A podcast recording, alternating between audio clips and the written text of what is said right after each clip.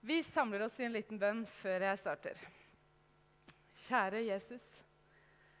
Takk for at du har mat for den enkelte av oss i ditt ord her i dag. Jeg ber deg at du skal lede oss hver enkelt når vi skal få være sammen om ditt ord nå, Jesus. Og la oss få ha blikket på korset bak her for alt det du har gjort for oss, og tal med din ånd inn i våre liv nå, kjære Jesus. Takk for at du er her helt nær oss. Amen. Jeg har dessverre gått glipp av undervisning som har vært om Galaterbrevet her tidligere i sommer. Jeg har fått med noe, men jeg har hatt med meg Galaterbrevet der jeg har vært.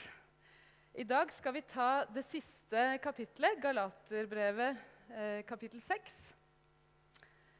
Eh, og jeg kjenner den tonen og stemningen fra Galaterbrevet har gitt meg inspirasjon og håp gjennom sommeren. For her er det jo nettopp det at um, Beklager, jeg ble litt satt ut av sånn litt shaky stemning her nå, men nå skal jeg komme meg på sporet. Sånn er det når vi gjør ting vi ikke gjør så ofte. Denne stemningen i Galaterbrevet om at Paulus ønsker så inderlig sterkt at evangeliet om Jesus skal få sprenge båser, skal få nå til enkeltmennesker i alle miljøer det ligger Paulus så inderlig sterkt på hjertet. Og jeg kjenner at åh, vi er heldige som skal få lov til å bli inspirert av dette her. Og være med på dette prosjektet som vi ønsker at den, de gode nyhetene om Jesus skal få nå inn i stadig nye miljøer. Paulus er utrolig imodig i kraften fra Jesus. Og han setter jo hele ryktet sitt på spill, all sin uh, ære for at budskapet om nåden ikke skal hindres i å nå frem til enkeltmennesket. Det skal vi høre mer om etter hvert. Jeg skal først dele en liten ting. Det mest gledelige jeg har opplevd i sommer. Jeg har vært på leir med noe som heter KRIK, kristen idrettskontakt, familieleir, i mange år. Det har vært fine leire, men i år så følte jeg det var en ny dimensjon der ved at Jesus nådde frem til nye mennesker. Flere som ble kristne. Det har ikke skjedd så vidt jeg vet, på de leirene. Det kan jo ha skjedd, men nå, nå var det nye mennesker som ble kristne, som har vært med vennene sine på leir i flere år. Og det er fantastisk, den lille gleden jeg kan kjenne ved å sitte ved siden av et menneske som sier nå gir jeg slipp på denne kontrollen jeg prøver å ha sjøl. Nå ønsker jeg å legge hele livet mitt over på Jesus. Det er fantastisk. Det er det gledeligste jeg har opplevd i sommer. Og jeg har hørt at det har skjedd mange sånne historier her også. Da begynner vi å lese sammen fra Galaterbrevet kapittel 6. Og jeg leser ikke hele eh, samtidig, men vi tar et par vers av gangen. Så jeg kan få opp på skjermen det første og andre verset, så skal jeg lese det. Mine søsken, hvis en av dere blir grepet i et feiltrinn, må dere som har Ånden, hjelpe han til rette men gjør det med et ydmykt sinn, og pass deg selv, så ikke du også blir fristet. Bær byrdene for hverandre og oppfyll på den måten Kristi lov. Det første som fanger oppmerksomheten vår i begynnelsen av denne teksten, er gjerne ordet feiltrinn og det å bli grepet i feiltrinn. Og nå har ikke jeg bodd så lenge på Vestlandet ennå, men jeg opplever at kanskje særlig her på Vestlandet så er det gjerne ute blant folk en forventning om at kristne og kirka de er først og fremst opptatt av å påpeke folks feiltrinn. De eh, er gjerne moralens voktere, er det mange tenker om kristne. Jeg fikk oppleve dette her på en måte selv eh, forrige uke. Jeg var med på filmpremiere. jeg tror det er første gang jeg har opplevd. Og det var på filmen 'Pornopung', som min eh, nevø har regissert. Et eh, ikke helt vanlig valg for meg, men det var veldig interessant. Og eh, jeg jobber jo i kirka og er jo en som mange tenker på som en from kristen. Og jeg fikk naturlig nok spørsmålet ganske kjapt. Ja, hva syns du om denne filmen her, da? Akkurat som det lå en forventning om at hm, dette var vel helt skivebom for deg. Hva har du å si? Og jeg kjente jeg ble litt trist umiddelbart, fordi at det første man gjerne forventer av kristne, er at de skal ha en moralsk eh, dom eller oppfatning over den personen eller det prosjektet. Selvfølgelig kunne jeg diskutere mange ting der, men det kom en sånn følelse av at åh, Ikke forvent at det, det første jeg skal gjøre, er å komme med en sånn du, du, du, moralsk pekefinger over dette her. For jeg syns på mange måter den var bra lagd. Det var det. Når det er sagt, dette med at vi kan være lei av å bli sett på som moralens vokter, og sånn, så er det jo en annen grøft å falle i òg. I den relativistiske tida vi lever i, hvor det er en tidsånd som sier at ja, ja, alt er like greit. Vi gjør vårt beste, og så får det gå som det går. Det er heller ikke bra. Og um, jeg har, på, jeg har lest noen ganger et sånn intervjuserie i den kristne avisa Vårt Land som heter 'Hva har livet lært meg?' eller noe sånt. Og Der blir de spurt eh, er det noe du angrer på i livet. Og flere svarer nei, det er i grunnen ikke noe jeg angrer på. Og jeg kan kjenne meg igjen i dette her med at ja, ja, det får bære og briste. Vi gjør så godt vi kan, og så Sånn er det. Men hvis vi for å beskytte oss selv og vårt skjøre selvbilde ikke orker å forholde oss til at vi gjør feiltrinn alle sammen, så går vi glipp av nåden. Og dette er selverfart. Jeg er elendig på å ta imot kritikk, ifølge min mann. Og det er jo mye pga. skjøre selvbilder og mye rart vi har. Noen av dere har kanskje kjent altfor mye på synd og skam. vil jeg tippe. Men det er vanskelig å komme til rette med dette her. Men vi går helt klart glipp av mye nåde hvis vi ikke orker å tenke at 'jeg gjør feiltrinn hver dag'.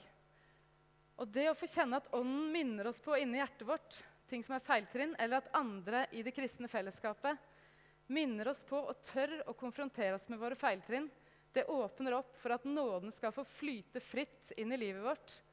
Og det må vi ikke gå glipp av, selv om det kan være en jobb å komme til rette med dette her. Jesus ønsker at sannheten skal sette oss fri. Og det er dette. Da må vi våge å gå inn på disse feiltrinnene. Et banalt eksempel. Jeg har hatt en liten flis i foten eh, noen dager nå, en ukes tid, og jeg har tenkt at ja, ja, den går vel bort. Men i går så måtte jeg til med stamp med grønnsåpevann. Og sitte der og dynke foten i grønnsåpevann og til med nål og få ut denne lille, irriterende flisa. Og da jeg til slutt fikk den ut, så var det jo så mye deiligere å slippe å gå og kjenne etter hver gang du tråkker. Det var en bitte liten flis, men så mye ugagn det kan gjøre. Jesus ønsker å sette oss fri i forhold til disse feiltrinna som noen gang kommer overrumplende på oss. Noen ganger er det bevisst, andre ganger så skjer det med oss alle. Men det å få ut disse her små flisene, få ut gørra, bade det i grønnsåpevann, få hjelp av andre til å identifisere dette her som gjør vondt inni oss Da får vi et liv som ikke er halvveis, men som, som kan bades i nåde. Paulus han starter her i vers 1 ikke egentlig med å snakke om feiltrinn, men han starter veldig fint med å si mine søsken og Seinere i kapittelet skal vi se at han avslutter med 'mine søsken'. Han vil si at vi er alle på samme lag. Noen ganger er det deg som gjør feiltrinn, andre ganger er det meg. Vi skal ikke se oss selv når vi leser den teksten som at å ja, jeg er den som skal ta det til rette, eller jeg er den som alltid gjør feiltrinn. Vi er på samme lag når vi ønsker å, å ta til oss eh, det Paulus og det Jesus sier til oss. Så vi er søsken. Ta vare på den vi-følelsen i dette her som vi skal inn i. Har ofte egentlig eh, Ja, for da skal vi videre på det som han sier med at, eh, at, dere som har Ånden, skal hjelpe til rette. Det er egentlig en oppfordring til modne kristne, eller kristne som de trenger ikke å ha levd lenge som kristne. Eller, men når man har Kristus i seg, så har man et ansvar faktisk for å, å, å hjelpe hverandre til rette. Og dette svikter vi ofte på fordi vi er redd å være disse mørkemennene. Men jeg har ofte savna at erfarne kristne har turt å, å, å, si noe til meg for å hjelpe meg videre, sagt i kjærlighet. Noen enkeltpersoner har iblant sagt til meg at nå syns jeg du gjør deg moro på en andres bekostning, eller nå syns jeg du sier noe om en annen person som du ikke hadde trengt å si til meg. Og Da blir man skamfull, og man syns det er ubehagelig. Men kjenner at oi, dette lærte jeg utrolig mye av. Jeg ville langt oftere hørt sånne ting fra modne kristne når det gjelder slurv vi driver med, altså økonomisk eh, samliv, baksnakking. Vi må tørre dette her og hjelpe hverandre til rette i kjærlighet. Det viktigste spørsmålet er når vi vurderer om vi skal ta opp noe. Jeg er stadig den eh, Skal jeg ta opp noe eller ikke? Og da må vi stille oss selv hvorfor og hvordan skal vi gjøre dette her. Hvordan? Og da svarer Paulus her gjør det med et ydmykt sinn. Når vi tar opp ting, skal vi gjøre det ydmykt. Veldig ydmykt. Og så er det dette hvorfor tar du opp noe? For hvis du tar opp noe med et annet menneske, så må du egentlig være villig til å gå noen skritt med det mennesket. Det går ikke an å slenge ut en kjapp SMS eller si noe eh, kort. Eh, det funker ofte dårlig og kan føre til at de bare melder seg ut av hele kristne fellesskapet og ikke orker dette her. Bær hverandres byrder og oppfyll på den måten Kristi lov, sier Paulus. Det å bære byrdene til hverandre det tar ofte kjempelang tid. Vi må være villige til å gå i årevis ofte med mennesker. En setning som påpeker et feiltrinn, da kan man like gjerne spare seg, kanskje. Men å være villig til å gå sammen og bære byrdene med det mennesket som sliter med disse feiltrinnene, det setter i hvert fall jeg utrolig pris på folk som er villige til å gjøre med meg, og som tåler det. For Paulus rammer inn dette med at vi skal hjelpe hverandre til rette i at den dypeste hensikten er ikke å være politi og påpeke og være moralens vokter og si dette her bryter med Bibelens budskap. Den dypeste hensikten er at vi ønsker å oppfylle Kristi lov, dvs. Si ønsker å elske hverandre, sånn som Jesus har gjort. Nestekjærligheten ligger i bunn for alt dette her. Og ting som sies i kjærlighet, da blir sannheten frigjørende. Vi skal se noen eksempler på Jesus, hvordan han gikk frem når han ønska å hjelpe noen til rette. To fortellinger. Jeg tenker på Sakkeus først. Jesus gikk ikke rett bort og sa til Sakkeus Hei, Sakkeus, du har eh, slått unna veldig mye penger, stjålet, gjort mye elendighet. Nå må du ta til fornuft. Han sa heller, Sakkeus, kan jeg få være med deg hjem i dag?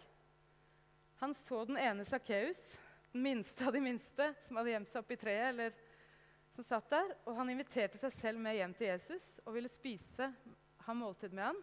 Vi vet ikke akkurat hvordan Jesus konfronterte Sakkeus, om han i det hele tatt sa noe.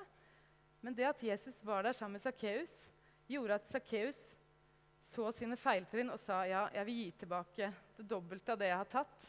Jeg vil gjøre opp for meg. En fantastisk måte å konfrontere med feiltrinn. Ikke bare ta en lettvint løsning med en melding, eller noe sånt, men invitere seg inn i personens liv. Og da er vi i en posisjon, når vi starter med kjærlighet, at vi kan at det mennesket som har gjort noe feiltrinn, kan, kan, våge å ta imot og bekjenne sin synd og ta imot tilgivelsen og nåden. Jesus han elsker å nå frem til oss. Det må jeg bare si, Spesielt når vi har gjort feiltrinn. Det er når vi har gjort feiltrinn, at Jesus elsker å komme til oss. Og I fortellingen om Sakkeus står det for menneskesønnen er kommet for å lete etter de bortkomne og berge dem. Det er det som er hele poenget.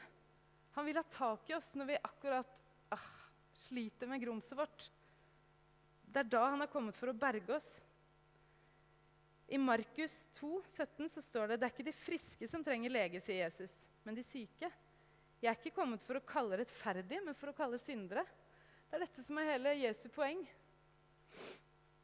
Også det fantastiske eh, fortellingen skal vi også ta om, eh, fra Johannes kapittel 8 med kvinnen som blir eh, grepet i ekteskapsbrudd.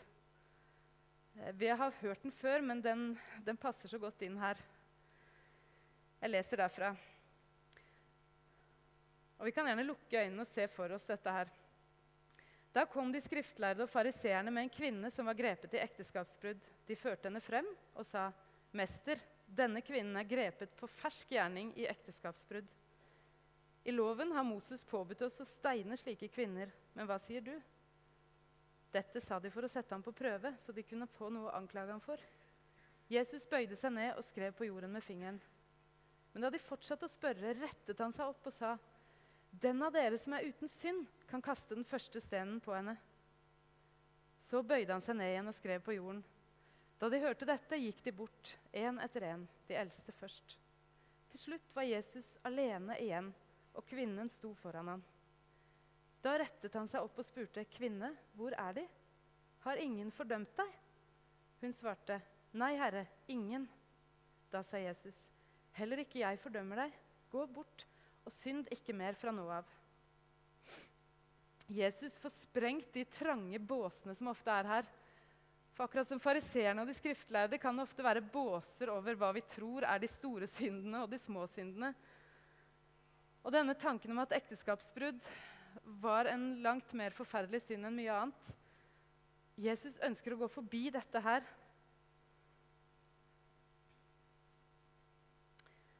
Og så allikevel, når de er på tomannshånd, og alle de andre har gått bort, så får han kvinnen på tomannshånd. Og det er det Jesus ønsker å gjøre med oss. Få oss helt nær på tomannshånd eller med et annet menneske. Så kan han si, 'Ja, du har synda, men heller ikke jeg fordømmer deg.' 'Gå bort og synd ikke mer.' Han bruker denne enormt pressede situasjonen for denne dama til å sette henne fri. Hun settes ikke i forlegenhet av Jesus. Han vil sette henne fri. Og da kan hun tåle dette og eh, tåle å bli konfrontert med synden sin og gå videre på en annen vei. Nå skal vi lese vers 3-5 endelig. Eh, jeg har brukt litt lang tid på dette første. De som tror de er noe selv om de ingenting er, bedrar seg selv. Hver og en skal bedømme det han selv har gjort, og få ros for sin egen innsats, ikke for det andre har gjort. For enhver skal bære sin egen bør. Og dette her er jo egentlig rett det vi har lest om kvinnen eh, som ble grepet i ekteskapsbrudd. At man, ja, de som ville steine henne, skal bry seg om seg selv og ikke nødvendigvis om andre på den måten. Men det kan jo se ut som det kommer i konflikt, for det tidligere leste vi at eh, bær hverandres byrder. Men så står det her enhver skal bære sin egen bør. Dette med at vi skal bære hverandres byrder, det handler om det kristne fellesskapet. Vi skal bære byrdene sammen. Men det at enhver skal bære sin egen bør, det tenker jeg handler om vårt forhold til Jesus. At til syvende og sist så er det bare Jesus vi står ansvarlig overfor med livet vårt. Og det vi har fått i gave av Jesus, av ressurser og av ting som har skjedd i livet, det står vi ansvarlig overfor Jesus når alt kommer til alt. Men så skal vi hjelpe hverandre å bære byrdene. Men det er meg og Jesus det handler om. Det står om de ulike talentene i Bibelen. Noen har fått utdelt mye, og andre lite. Men det vi har fått av Jesus, det skal vi bruke, og, og det skal vi stå til regnskap for overfor Jesus alene. Vi skal lese videre versene 6-9. Den som får opplæring i ordet, skal dele alt godt med sin lærer. Far ikke vil. Gud lar seg ikke spotte. Det et menneske sår, skal det også høste. Den som sår i sitt eget kjøtt, høster fordervelse av kjøttet. Men den som sår i ånden, høster evig liv av Ånden. La oss ikke bli trette mens vi gjør det gode. Når tiden er inne, skal vi høste, bare vi ikke gir opp. Hva vil det si å så i sitt eget kjøtt? Det står i Romerne 5.: De som lever slik kjøttet vil, er bare opptatt av det som hører mennesker til. Men de som lever etter ånden, er opptatt av det som hører ånden til. Det er lett å så i vårt eget kjøtt. Vi kan være opptatt av egne ambisjoner jobb eller andre ting. Eh, eller vi kan bry oss veldig mye om hva andre mener om livet vårt. Da tenker jeg at Vi ofte står i fare for å så i vårt eget kjøtt og glemme å spørre hva vil du gjøre her, Gud? Hva vil du gjøre, Gud? Hva er det så å så i ånden? Jeg liker det uttrykket, for det trigger et eller annet i meg. Jeg syns det er veldig vanskelig å vite når, når jeg selv kanskje er med på å så i ånden. Men heldigvis ser vi kanskje ikke så mye til når vi selv sår i ånden, for da kunne det muligens vært lett å ta æren for det sjøl. Men jeg ser veldig ofte at andre sår i ånden. Folk her i menigheten som inspirerer meg. Det kan gjerne være folk som er veldig forskjellige fra meg sjøl. De bruker kanskje helt andre ord. De irriterer kanskje meg litt noen ganger fordi at de lever så annerledes fra meg sjøl. Men jeg skjønner at ah, de har noe med seg som må være fra ånden, som må være de ferdiglagte gjerningene. Det er en sånn X-faktor der i livet. Det er noe, noe, som, noe, som, må være ånden. For det dreier seg ikke om at de er flinke eller har fine ord. Men de brer om seg med, med Guds ånd og godhet, og ting skjer. Det sås ting rundt dem. Det kan være stille mennesker, det kan være brautende mennesker. Men vi ser det hvis vi ser litt rundt oss. Og jeg syns det er mange som ser ut til å så i ånden her i menigheten, som jeg inspireres av.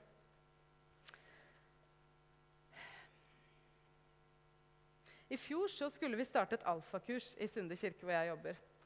Jeg var nettopp begynt igjen, hadde vært der en måned, og det var utrolig dårlig planlagt. Det alfakurset. Det så veldig skralt ut. Men vi var noen som følte at jo, vi skulle i gang med dette alfakurset. For vi trenger å nå ut og sprenge disse båsene. Komme oss ut og få inn Ja, få forkynt evangeliet til nye mennesker. Og så sa vi til Gud ja, om det er én som har meldt seg på dette alfakurset, så skal vi starte. Ja, Og så var det én som hadde meldt seg på alfakurset. Men ja, det så jo veldig veldig skralt ut, og jeg var kjempenervøs. Men greit, Gud. Det kjentes som at dette var noe ånden ville. Så vi satte i gang og begynte å planlegge, og det ble vel oppi åtte stykker til slutt. Og vi tenkte ja, dette er bra. Vi hadde flere medarbeidere enn deltakere. Men det skjedde mye som var fra ånden på det kurset. Det ble starta to nye grupper ut fra de få deltakerne. Og vi merka at dette var noe som Gud ville at vi skulle være lydige å gjøre. Et sånn såmannsarbeid i ånden. For det så helt spinkelt ut ut fra våre tanker og ambisjoner. Hvem finner på å arrangere et kurs som det er én som har meldt seg på eh, en uke før det skal begynne? Det er liksom helt feil menneskelig sett. Så la oss tørre å høre hva Ånden hvisker til oss når det ser helt skralt ut. Eh, ja. Når tiden er inne, skal vi høste. Vi har så lyst å se resultatene med en gang. Jeg har noen ganger gjort ting som Gud kanskje har minnet meg på om å sende en bok til en eller annen person. eller sånn. Jeg har aldri hørt noe om det, om det var eh, fra Gud eller fra noen andre. Men vi skal ikke se på det der. Hvis vi tror at Gud minner oss på noe med sin ånd, så skal vi våge å gjøre det. Og så når tiden er inne, så skal vi høste. Bare vi ikke gir opp. Det kan skje nå eller om eh, mange år. 100 år. Det kan skje etter vår levetid. Men vi skal våge å stole på at det Ånden hvisker oss, det, det er fra Han. Det er verre hvis vi drives av våre egne ambisjoner. Men det som ånden vil gjøre, det er ofte det som kan føles veldig skummelt og ukomfortabelt. F.eks. å stå her i dag òg. Det er kjempeukomfortabelt ofte. Men ånden driver oss videre. Og det er Paulus et kjempeforbilde. Han gjør virkelig tusen ukomfortable ting og blir piska og slått. Og tør uendelig mye i Jesu kraft. Han hopper ut i fallskjerm og gjør mange stunt holdt jeg på å si, fordi han, han har opplevd hvordan Jesus grep inn i livet hans. Og han tør videre. Og sånn kan vi jo inspirere hverandre til å tørre ting vi aldri hadde trodd vi skulle tørre. Når vi gjør det leda av Ånden. Jeg skal lese det vers neste verset. Da har jeg valgt å ta frem ett enkelt vers. Vers 10. Så la oss gjøre godt mot alle så lenge det er tid, og mest mot dem som er vår familie i troen. Dette verset kan minne oss om å ha en balanse i livet. For noen av oss er sånn som meg, som gjerne ønsker å liksom nå ut hele tida og kan bli litt oppjaga i dette her. Og så blir jeg minna på husk, du har små barn, Gud har tid. Tenk på dine nærmeste. Noen av oss trenger å bli minna på det, andre trenger kanskje å bli minna på å løpe ut. Men da jeg tok diakonistudiet, så hadde jeg en lærer som trakk frem dette verset. For å si at det er i menigheten nestekjærligheten må ha sitt utspring. Hvis det ikke funker i familien og i vår familie som er menigheten, og de kristne rundt oss, så vil det til slutt ikke funke utover heller. Vi må hankes inn innimellom og se våre rundt oss her. Og det føler jeg ofte på folk som er syke her i menigheten, som sliter. at åh, jeg tenker ofte ja, ja, det er sikkert andre som tar seg av det. Og så løper jeg rundt sjøl, og så trenger vi å fokusere inn. I apostlenes gjerninger, når det står om de første kristne, så får jeg inntrykk av at de hadde et veldig kjærlig fellesskap. De delte alt. De var sammen. Og det fellesskapet de hadde, gjorde at det tiltrakk seg andre som så at oi, dette har de sammen. Så vi må ikke glemme det vi har sammen i menigheten, og det som springer ut fra det. Godhetsfestivalen er jo et eksempel på dette. La oss gjøre godt mot alle så lenge det er tid. La oss få dette ut. Men så husker jeg en gang jeg var med på Godhetsfestivalen og sto og jobba i en hage. Og så kom det sånn hjertesukk fra en av de jeg jobba sammen med, om at åh, hun hadde hatt det kjempetungt sjøl. Jeg skulle ønske noen i menigheten hadde gjort noe for meg også. Og det var ikke bare en sånn klage, men det var et sånn dyp sorg. Og det traff meg. Vi skal gjøre godhetsfestival, men så De som er heldige å gå i en cellegruppe i menigheten her som fungerer, der kan vi jo virkelig, skjer det jo store ting med å vise hverandre godhet. Men så er det også folk i menigheten som faller utenfor denne godheten lett. Så la oss hjelpe hverandre å se hvem av våre søsken i troen rundt oss som også trenger hjelp. Jeg fikk en vekker før sommeren. Jeg jobber jo som sagt som diakon og var opptatt av alle mulige folk der. Og så har jeg en søster i troen i nabolaget som Gud har gitt meg, gitt oss hverandre. Og jeg hadde tenkt på hele uka at jeg skulle stikke bort til henne med en bukett med eh, siriner. Lilla siriner, for det vet jeg hun er så glad i. Og så ble det ikke. Og så sa jeg nei, ja, i morgen. Og så tenkte jeg nei. Det ville tatt meg et kvarter. Men jeg fikk ikke gjort det. Så kom hun innom meg en dag og så sa jeg, åh, jeg har tenkt på det hele uka. Jeg skulle vært bortom deg med noen lilla syriner. Og så sa hun ja, jeg har faktisk venta på det. Hun, hadde, hun, hadde, hun visste det på en måte, at jeg ville det. Og hun hadde sett på døra si og håpet at de skulle henge der, men det gjorde de ikke. Og det var en enorm viktig vekker for meg. Jeg hadde glemt mine nærmeste i troen som Gud har gitt meg. Det kan ofte skje med familien og de nærmeste at vi noe så enkelt som å ta seg et kvarter og gi en syrinkvist fem minutter bort til gata. Så dette er et vers som skal sørge for balansen. Vi kan pushes der vi trenger det, utover eller tilbake til de Gud har lagt oss ekstra på hjertet. Jesus gikk også tilbake til disiplene holdt fast på sine nærmeste. Så vit hvem som er dine nærmeste i menigheten og i troen ellers. Så skal vi gå til vers 11 eh, og utover. Se hvor store bokstaver jeg bruker når jeg egenhendig skriver dette til dere, sier Paulus. De som vil tvinge dere til å omskjæres, er slike som vil ta seg godt ut blant mennesker, så de slipper å bli forfulgt pga. Kristi kors. De som lar seg omskjære, holder ikke selv loven. Likevel vil de at dere skal bli omskåret, så de kan være stolte av det som er gjort med kroppen deres. Men jeg vil aldri være stolt av noe annet enn vår Herre Jesu Kristi kors. Ved det er verden blitt korsfestet for meg, og jeg for verden. For det som betyr noe, er ikke å være omskåret eller uomskåret, men å være en ny skapning. Alle som følger denne rettesnoren, fred og barmhjertighet være med dem og med Guds Israel. Dere som har vært her og hørt undervisningen tidligere, har hørt mye om dette med eh, at Galaterbrevet er jo på mange måter som et tilsvar til de som ble kalt judaister, som var veldig opptatt av at for å ta imot troen, bli kristen, så måtte man først bli som en jøde og la seg omskjære og holde Moseloven. Og eh, Paulus, Dette er så enormt viktig for Paulus at ikke evangeliets eh, mulighet til å nå frem til den enkelte av oss skal hindres av en del sånne menneskeskapte båser om at man må det og det og det før man kan ta imot troen. Se hvor store bokstaver jeg bruker, skriver han. Han, han gir alt her. Han snakker ut fra egen erfaring. Han vil ikke at det skal lages unødig hinder for at vi skal få ta imot Jesu evangelie. Og Vi skal kaste et blikk tilbake på Galaterne kapittel 1, 14-16. Jeg har det ikke her, men jeg skal lese det.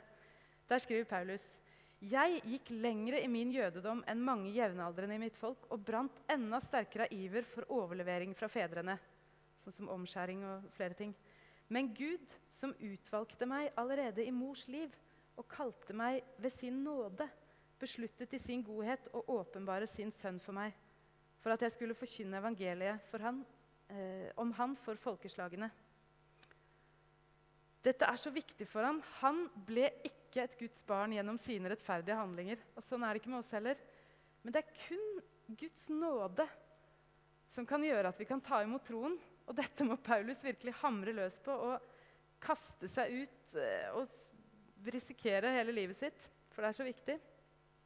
Det sitter i ryggmargen hans alle de rettferdige handlingene som han strevde med, det var ikke de som førte han til Jesus. Men det var Guds nåde. Det var Jesus som gjorde at han kunne bli frelst.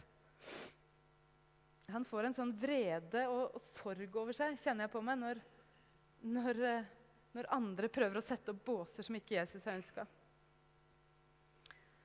Dette gjelder inn i våre situasjoner. Hvis du har satt deg i en bås pga. livet du lever, eller et eller annet som gjør at du tenker at det er så mye som hindrer meg i å, å være en kristen, ta imot dette budskapet, så vil Paulus og Jesus si til deg og til meg ikke la dette hindre deg, for dette er ikke Guds vilje. Han har sett deg fra du var i mors liv. Han sender sin nåde til deg her du sitter nå. Og uansett hva som har skjedd i livet ditt, der er poenget. Det er Jesu kors. Helt naken bakgrunn, men Jesu kors er det som skal lyse opp for oss.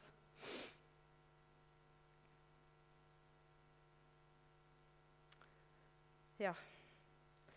Vers um, ja, Her står det ikke akkurat hvor vers 14 var, men uh, i vers 14, som jeg leste vel her, ja. ja. Jeg vil aldri være stolt av noe annet enn vår Herre Jesu Kristi kors. Og dette her hjelper oss. For de av dere som har sånne skjøre selvbilder som jeg har, så hjelper det oss når vi ser bort ifra alt som vi ikke fikser. Oh, vår egen svakhet, alt vi er flau over, alt mulig. Når vi prøver å se bort fra det og bare fokusere der, på Jesu kors. Det er det eneste vi skal være stolt av. Vi skal slippe å prøve å bli stolt av flinke ting vi skal fikse. og alt dette her. Paulus sier det så tydelig. Han skreller bort alt annet. Har vi ned til, har vi skjærer bort alt det unødvendige. Det eneste vi skal være stolt av, er Jesu kors. Og det Jesus har gjort for oss. I vers 15 det som betyr noe, er ikke å være omskåret eller uomskåret, men å være en ny skapning. En del ganger så kan jeg treffe på helt ukjente mennesker som jeg kan merke at hm, den personen der tror jeg har troen i hjertet sitt. Det er ingen ytre tegn à la omskjærelse, det ville jeg ikke sett uansett. Men det er ingen kors. Det er Dårlig eksempel. Det er ingen uh, ingenting i det ytre som skulle tilsi at det mennesket var, var, en troende. når jeg ser det. Men jeg møter det, så tenker jeg ah, det er noe der. En ny skapning, tenker jeg. Noen av oss virker som nye skapninger med en gang vi har tatt imot troen. For andre av oss for meg har det vært en lang vandring. Jeg vet ikke om jeg virker som noen ny skapning ennå, men vi kan merke dette. Vi kan merke dette båndet mellom vilt fremmede mennesker når vi treffer andre som vi ser, fornemmer at Guds ånd lever i dem. Og dette syns jeg er en, en, god hemmelighet å ha med seg. Det er kristne rundt omkring. Vi er ikke alene. Men vi skal ikke fokusere på det ytre stæsjet. Vi skal bare bære med oss denne vissheten om at ja, når jeg tror på Jesus, når jeg velger å gi slipp på min egen kontroll, si ja til Guds nåde, så er jeg en ny skapning. Da er vi søsken som nye skapninger. De siste versene, vers 17 og 18. Det er det siste i Galaterbrevet. Heretter må ingen plage meg mer, sier Paulus, for jeg bærer Jesu merke på kroppen min. Vår Herre Jesu Kristi nåde være med deres ånd, mine søsken. Amen. Paulus er tynt til det ytterste, som sagt. Heretter må ingen plage meg mer. Han har gått over det som er hans menneskelige, det han klarer i sitt menneske. Han har sittet i fengsel, han har blitt pint og plaga. Det er nok det det siktes til med dette at han bærer Jesu merke på kroppen. At han måtte møtt så mye slag og pisk og fengsel. Noen personer opp gjennom historien sies å ha fått Jesu korsmerke, stigmata, i, i uh, sine hender og føtter. Kanskje det sies om Frans av Assisi f.eks. at han, mennesker som på en helt egen måte er overgitt og identifiserer seg med Jesu lidelse på korset, har fått merkene her etter Jesu lidelse. Kanskje det gjaldt Paulus. Det, det, vet vi ikke. Sannsynligvis er det det han har båret med seg av slitasje i fengsel, og av det han har måttet lide. La oss glemme menneskefrykten og ta med oss det fra Paulus. Og tåle um, Tåle å, å tale Jesu evangelie inn i miljøer hvor det kanskje oppleves som at man, man vet ikke helt hva man skal si. og man man er redd for å bli hersa med av andre kristne hvis man gjør det på den måten. Vi trenger litt av Paulus sitt mot til å gi alt og vite at det er Jesus alene vi forholder oss til. Hans ånd skal lede oss. Det kommer kanskje tider, Vi lever fritt og greit her i Norge, men det kommer kanskje tider da vi skal tåle mer smerte på vår kropp for å tro. Og dette skal Jesus ruste oss opp til å tåle. Hver på vår måte, med den tro vi er utrusta med. Og det er en ære på mange måter å få bære Jesu lidelser. Det føles ikke alltid sånn når man gjør det, men vi kan få ha Paulus til forbilde i dette.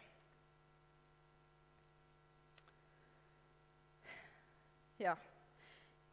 Jeg vil gå tilbake til dette eh, som Paulus har sagt her, med at i, ja, Han sier om sitt eget liv at Gud, som utvalgte meg allerede i mors liv og kalte meg ved sin nåde Gud har utvalgt alle som sitter her, hver enkelt, i sin nåde. Helt fra dere var i mors liv, som vi ble minna på her tidligere òg.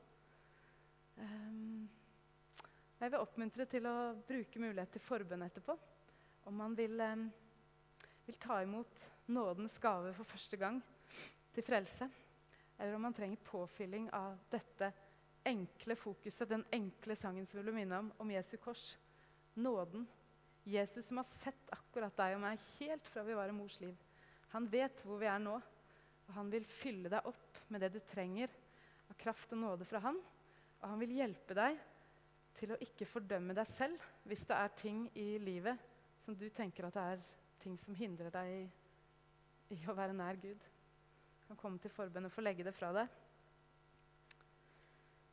Jeg skal be en bønn helt til slutt igjen. Kjære Jesus. Takk for at dette er sannhet, det du sier til oss i ditt ord her. Jesus, vi lengter etter at ditt evangelie skal få sprenge seg vei inn til hjertene våre og til nye mennesker med det enkle evangeliet om nåden din. Hjelp oss, hjelp oss, kjære Jesus, til å legge ned vår egen stolthet og frykt og selvfordømmelse, Jesus. Jeg ber for hver enkelt som sitter her nå, at din nåde skal få fylle, få renne fritt og flyte inn i, i, i, kroppen. Og for de som trenger å legge fra seg noe, la de få gjøre det i stillhet eller hos forbedre. Men Jesus, du ønsker å rense oss. Du ønsker å, å bade kroppen vår i grønnsåpevann og få bort fliser og rusk. Feiltrinn. Men du gjør det ut av kjærlighet til oss. Og la oss ikke gå herfra i dag uten å ha fått, fått rensa opp i dette her som du, du vil rense oss hver enkelt med i dag. Takk for din fantastiske nåde. Takk for at du, du døde på korset og, og oppsto. Og tok med deg all vår elendighet i graven og reiste det og ble reist opp. Takk for din kraft, din oppstandelseskraft, Jesus. La oss få kjenne den hver enkelt.